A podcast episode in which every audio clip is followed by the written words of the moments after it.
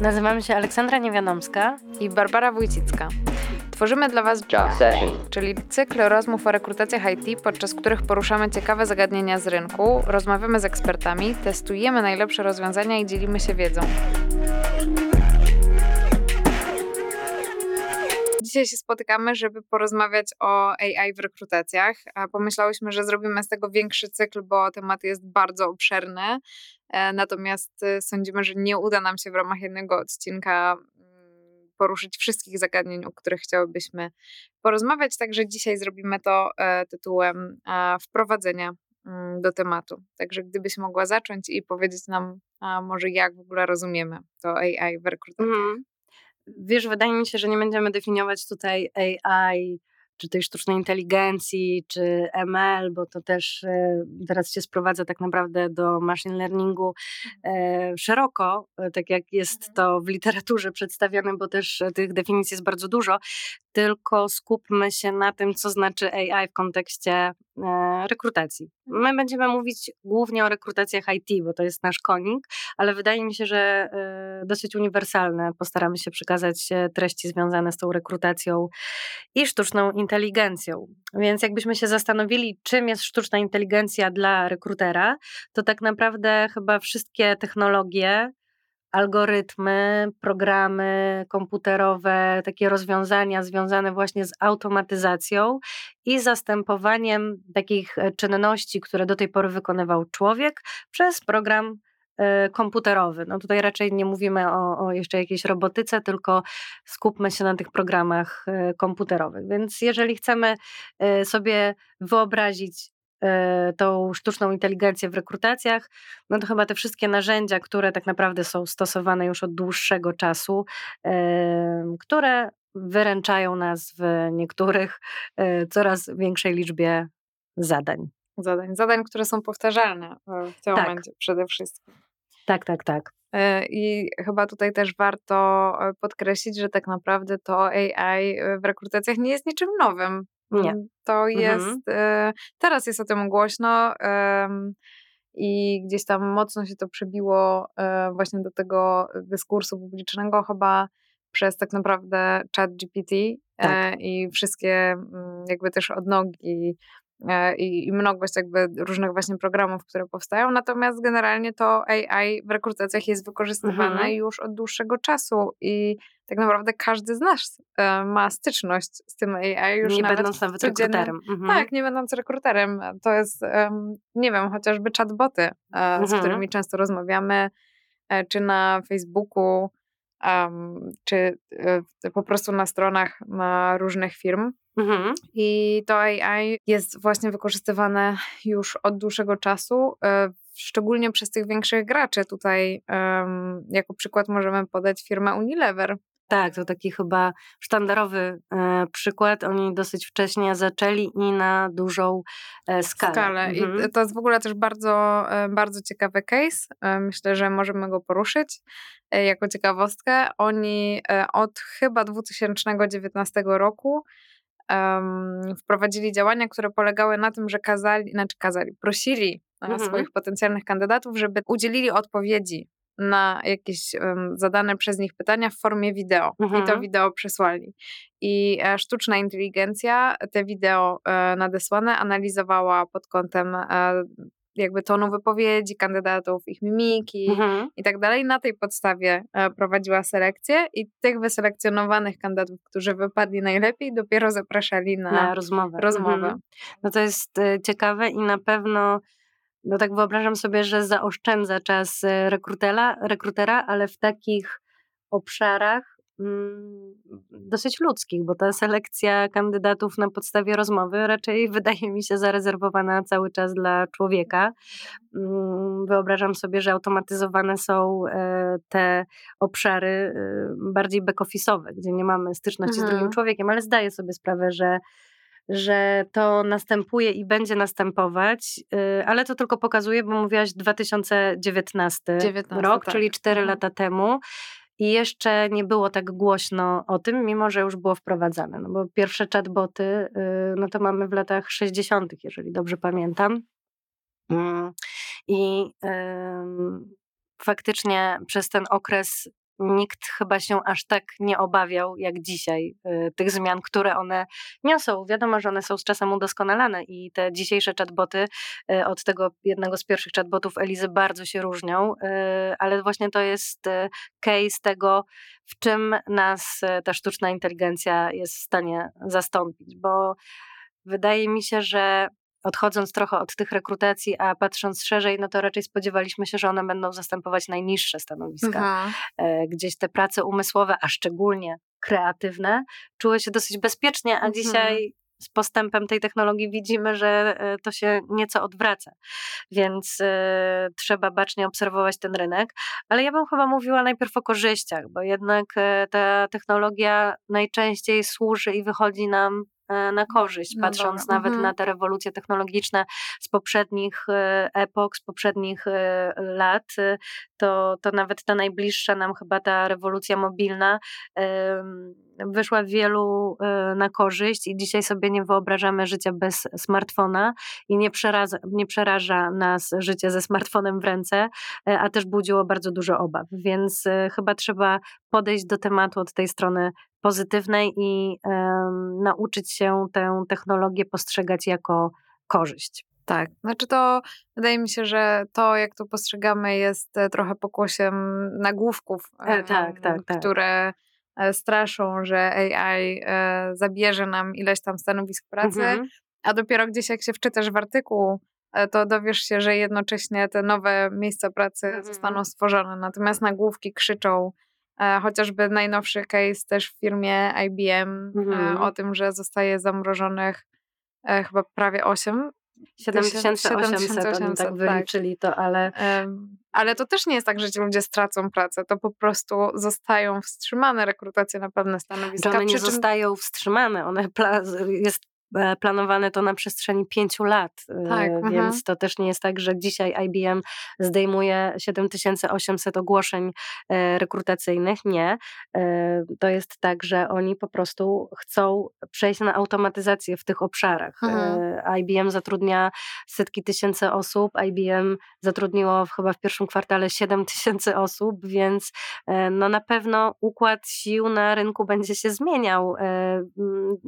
Duża część osób osób e, musi niestety albo stety e, te kwalifikacje swoje podnosić i dbać o to, żeby, mm, żeby na tym rynku pracy być atrakcyjnym i żeby nadążać za tym rynkiem pracy, ale wydaje mi się, że cały czas mówimy o obawach mhm. i od tego jednak, e, jednak te myśli ciążą nad tym, no bo to też dyktuje, dyktują nastroje rynku, ale powiedzmy o tych korzyściach. Dobrze, to zastanówmy się może w takim razie, mm, które obszary pracy mm, rekruterów, wróćmy tutaj może do tych rekrutacji, które obszary pracy mogą być um, zastąpione albo zoptymalizowane. Wyobraźmy sobie, które byśmy chcieli. No bo Basia, no, jesteśmy w pracy powiedzmy te 8 godzin, chociaż no, u nas wygląda różnie. No to jest y, lwia część rzeczy, które robimy, bo musimy. Mhm, to prawda. E, więc chętnie je przekażę sztucznej inteligencji. Mhm. Tak, znaczy gdybym ja mogła coś wybrać, to na pewno byłoby to e, tworzenie bazy. To jest mhm. bardzo pracochłonne i bardzo mhm. żmudne, tak?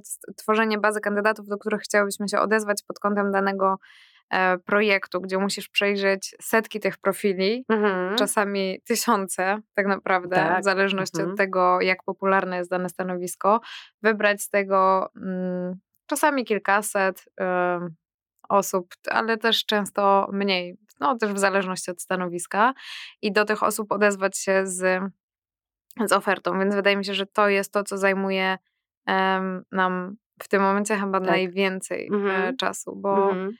fajnie by było też, gdyby wysyłanie ofert było zautomatyzowane, natomiast ja na przykład osobiście lubię ten kontakt e, z mhm. kandydatami, więc ten obszar nie jest dla mnie aż tak męczący. Ja wyobrażam sobie, że sztuczna inteligencja, jeżeli wybierze te profile, to i tak jest jeszcze ten moment, że musimy to zweryfikować, bo nie możemy sobie pozwolić, mhm. że ona na przykład roześle oferty do wszystkich kandydatów, bo okaże się, że jednak ona działa na słowach kluczach, że dobrała pewne e, profile mhm. niesłusznie i możemy tych kandydatów e, niepotrzebnie absorbować, bądź zdenerwować, jeżeli ta oferta jest przez sztuczną inteligencję niedopasowana, więc tutaj cały czas e, ten nadzór ludzki jest wymagany, ale też tworzenie baz i na przykład pierwsza oferta mogłaby e, mhm. wyjść z, e, z jakiegoś zautomatyzowanego programu.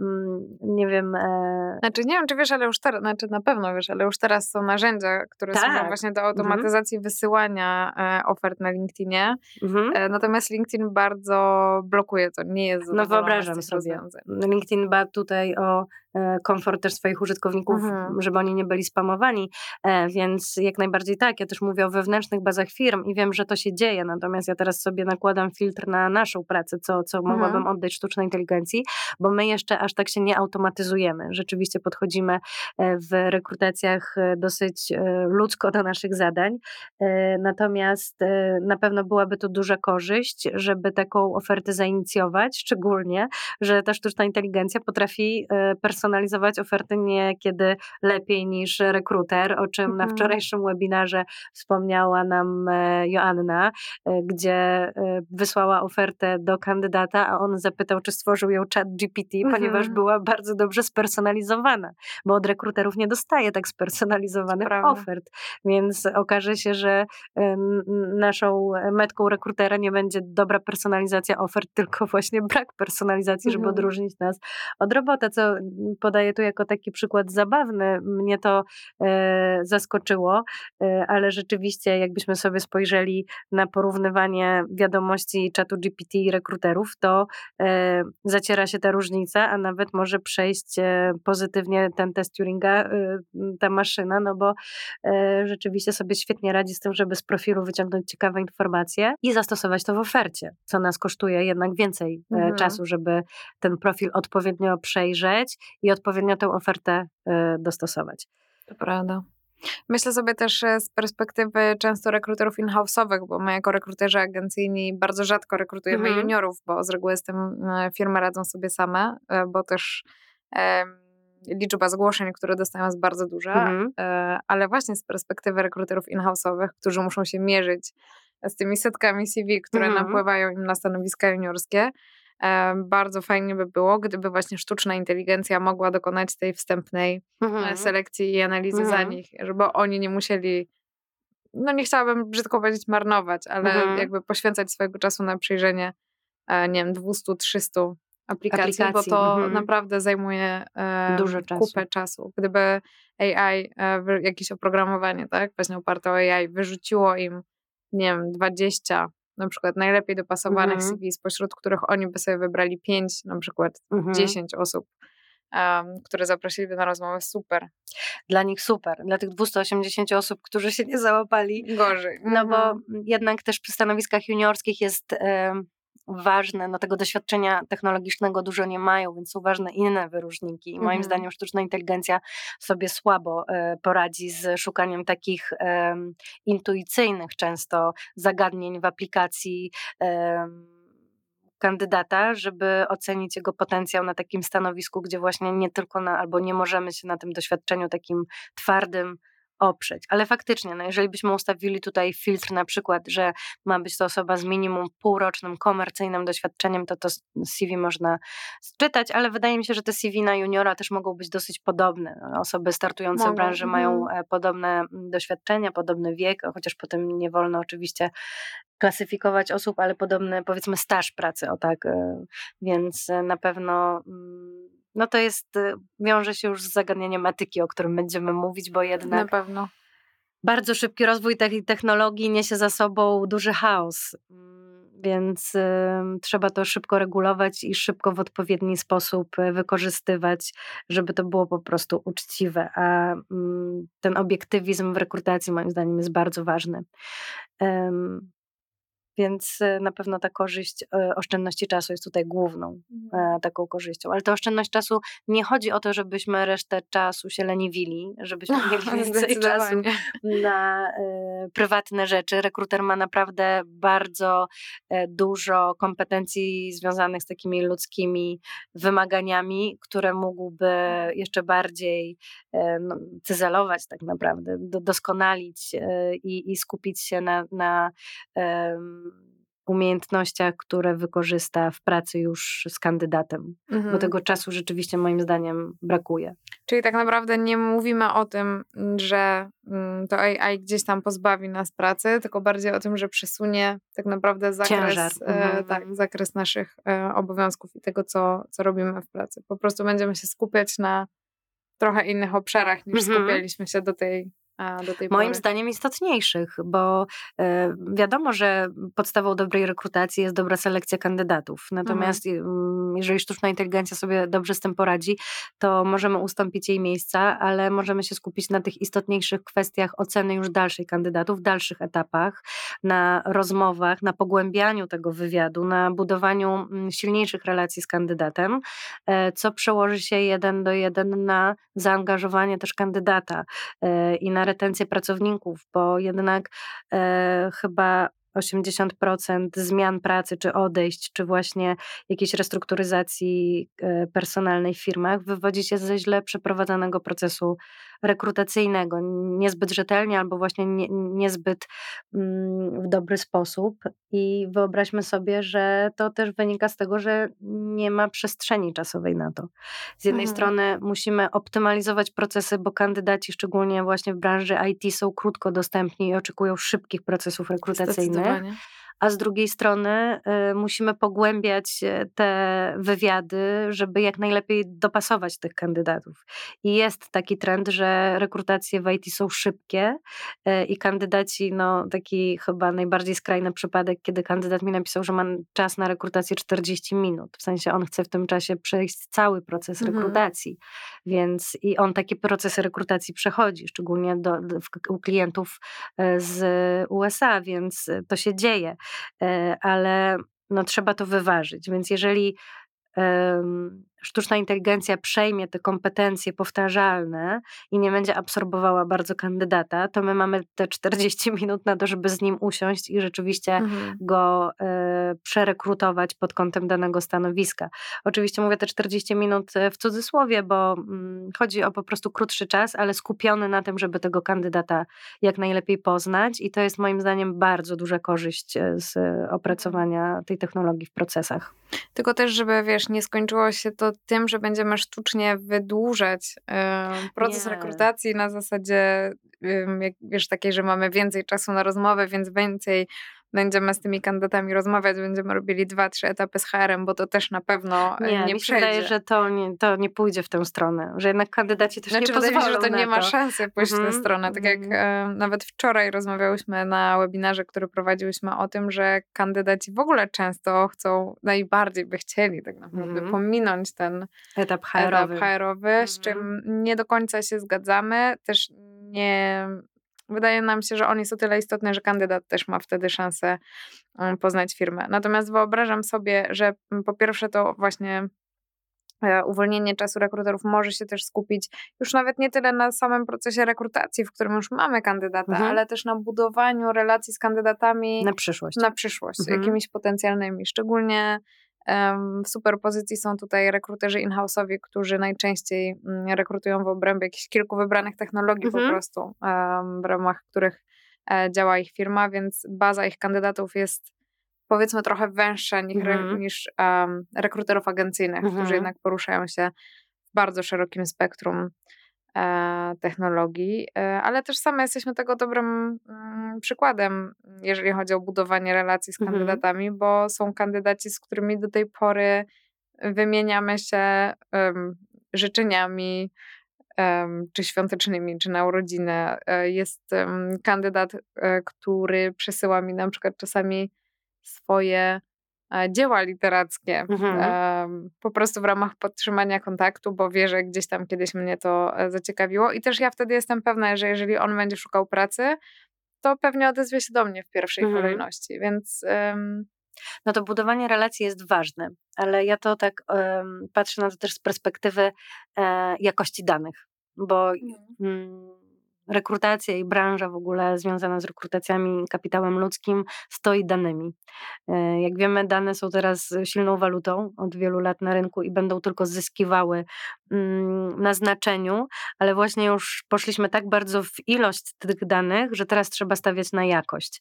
Więc to długofalowe budowanie relacji z kandydatami pozwala nam na posiadanie w swojej bazie jakościowych danych, bo to są kandydaci, z którymi to nie jest na przykład ileś set właśnie e, aplikacji, które napłynęło nam na ogłoszenie i żeby je wykorzystać, to musimy tak naprawdę e, ponowić pracę, z każdym się skontaktować, e, zaktualizować, tylko to są stałe relacje z kandydatami, u których wiemy, co się dzieje, śledzimy ich, mhm. śledzimy ich pracę, więc w przypadku pojawienia się procesu rekrutacyjnego ten próg wejścia do zaproszenia do rekrutacji jest o wiele niższy niż posiadanie setek CV, z którymi nie mamy kontaktu, więc na pewno będziemy bardzo dzięki temu budować jakość tych danych, tak podchodząc już e, ze strategii biznesowej, nie tak ludzko, e, więc na pewno rekruterzy skorzystają na tym. Zresztą już teraz rekruterzy wychodzą, pojawiają się te trendy, szczególnie w Stanach, o czym, są, o, o czym też opowiadałyśmy, że rekruterzy tworzą spotkania dla kandydatów z danych technologii, żeby z nich ich poznać, żeby być z nimi w stałym kontakcie takim bliższym.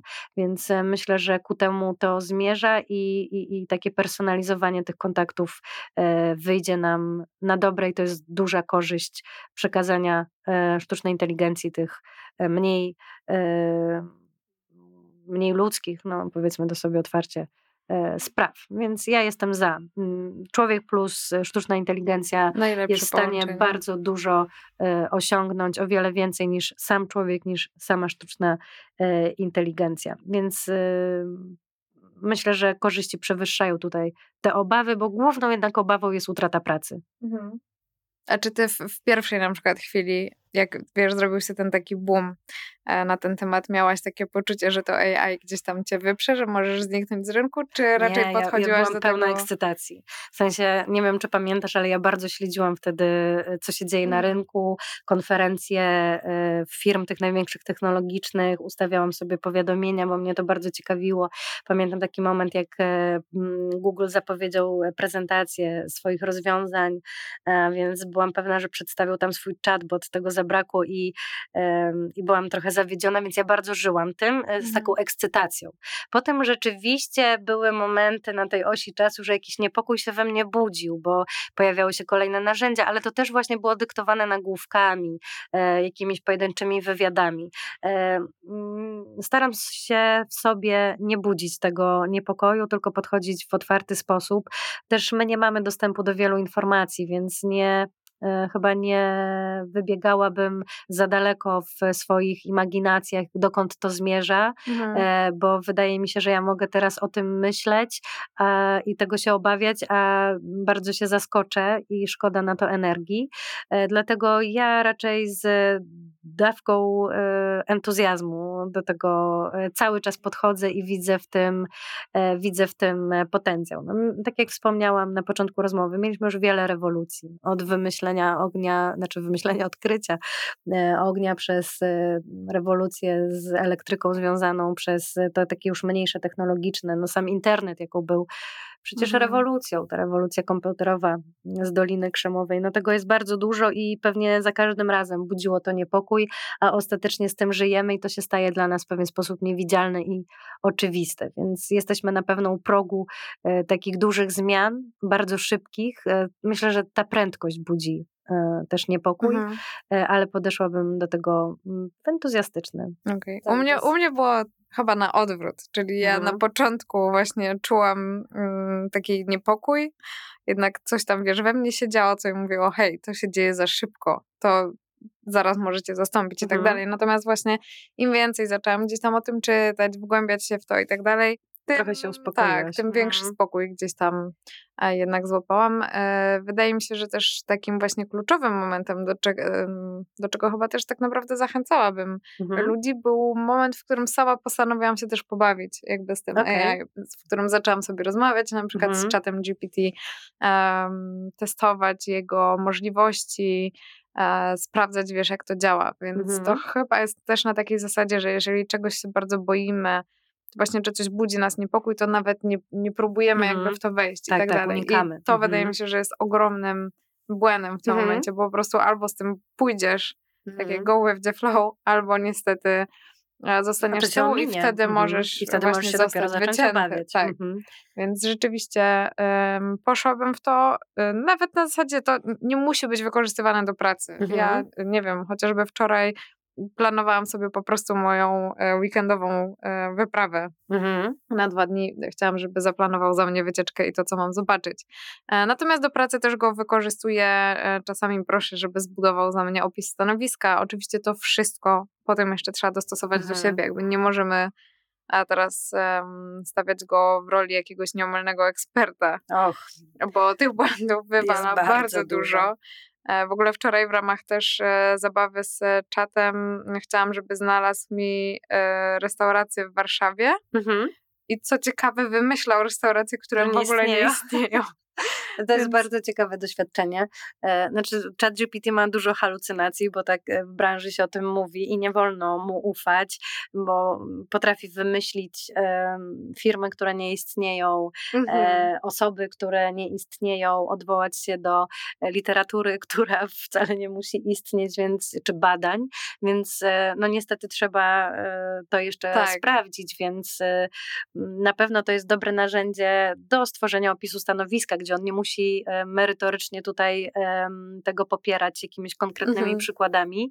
E, to jest fajne zastosowanie e, do tworzenia tego kopii ogłoszeń, szczególnie, mhm. że możesz nadać temu pewien ton albo pewien charakter, nauczyć go w pewien sposób posługiwać się pewnymi kwestiami z Twoich ogłoszeń, które będzie zawsze wykorzystywał przy tworzeniu dla Ciebie kopii. To są fajne zastosowania.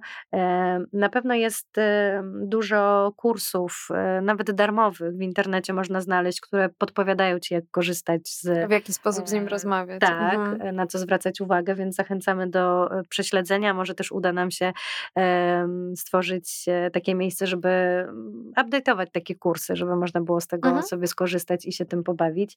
Więc myślę, że tak, że mm, to jest ważne, o czym mówisz, żeby nie bać się tej technologii, nie unikać jej, bo wtedy nas to ominie, a wchodzić z nią w interakcję i uczyć się z niej e, korzystać, bo potem e, można to sobie nawet wpisać w CV, jeżeli to nie jest certyfikowany kurs, ale wy potraficie promptować, czyli zadawać te, czy wymyślać te komendy e, i uzyskiwać ciekawe odpowiedzi, to jest pewnego rodzaju już upskilling nawet we własnym mhm. zakresie, żeby mm, potem to wykorzystać na rynku pracy. Tutaj też wspomniałaś właśnie słowo klucz upskilling, czyli Aha. myślę, że to jest to, co trzeba będzie robić w najbliższych tak. latach w związku z tym dynamicznym e, rozwojem. Natomiast to bardziej słowem podsumowania, bo też o tym wspominałeś. To znaczy, myślę, że warto wspomnieć, że e, niedawno wyszedł e, nowy raport Future of Jobs, tak? On porusza tam te kwestie. E, nie miałam okazji jeszcze się z nim zapoznać tak głęboko i my na pewno będziemy się do niego często odwoływać w naszym kontencie, natomiast e, tam oni chyba wskazywali, że um, chyba 6 na 10 pracowników będzie wymagało takiego reskillingu czy upskillingu. Um, w najbliższych latach, żeby, żeby nadążyć nad tym rynkiem pracy, e, ale to dobrze, to nas utrzymuje cały czas na fali. Jeżeli my musimy się rozwijać, uczyć, poznawać nowe technologie, to myślę, że też przez to wolniej będziemy się e, starzeć, bo nasz umysł będzie pracował i też dzięki temu nie będziemy wybierać jednego zawodu może na całe życie, tylko będziemy mieli możliwość e, skupienia się na, w jakimś obszarze na kilka lat, będziemy mhm. mogli eksperymentować, rozwijać się w wielu kierunkach. Myślę, że ta sztuczna inteligencja może nam w tym pomóc pomóc, szczególnie, że to są takie marzenia senne już od tylu lat. W literaturze mhm. się pojawia tak dawno. Ja ostatnio trafiłam na fajne porównanie, że ta sztuczna inteligencja była już w mitologii greckiej wykorzystywana, wizja, y, gdzie Hefajstos stworzył Talosa na przykład, czy nawet Pandora jest do tego porównywana. I myślę, że takim słowem podsumowania możemy tę sztuczną inteligencję chyba do tej Pandory sprowadzić i nie, nie pozwólmy, żeby ona była taką e, puszką Pandory, która to człowieczeństwo będzie w nas niszczyć, tylko wykorzystajmy e, zalety e, tej technologii w rekrutacji szczególnie, bo chyba odbiegłyśmy też od tego wątku Mhm. rekrutacyjnego mocno w tych naszych rozważaniach, ale mm, następne odcinki będziemy poświęcać sztucznej inteligencji już bardzo szczegółowo e, w danych kontekstach. Chyba najbliższy odcinek będziemy e, o AI z naszego cyklu e, wprowadzać narzędzia, tak? Czyli będzie taki kącik dobrej rady, jakie narzędzia w rekrutacji IT, ale i ogólnie wykorzystać. I co, to tyle na dzisiaj. Dziękuję Wam bardzo za to, że e, wysłuchaliście naszego pierwszego odcinka. Job session. Jesteśmy bardzo podekscytowane. Zapraszamy Was za dwa tygodnie. Dzięki Super, za dzisiaj. dzięki bardzo. Job session.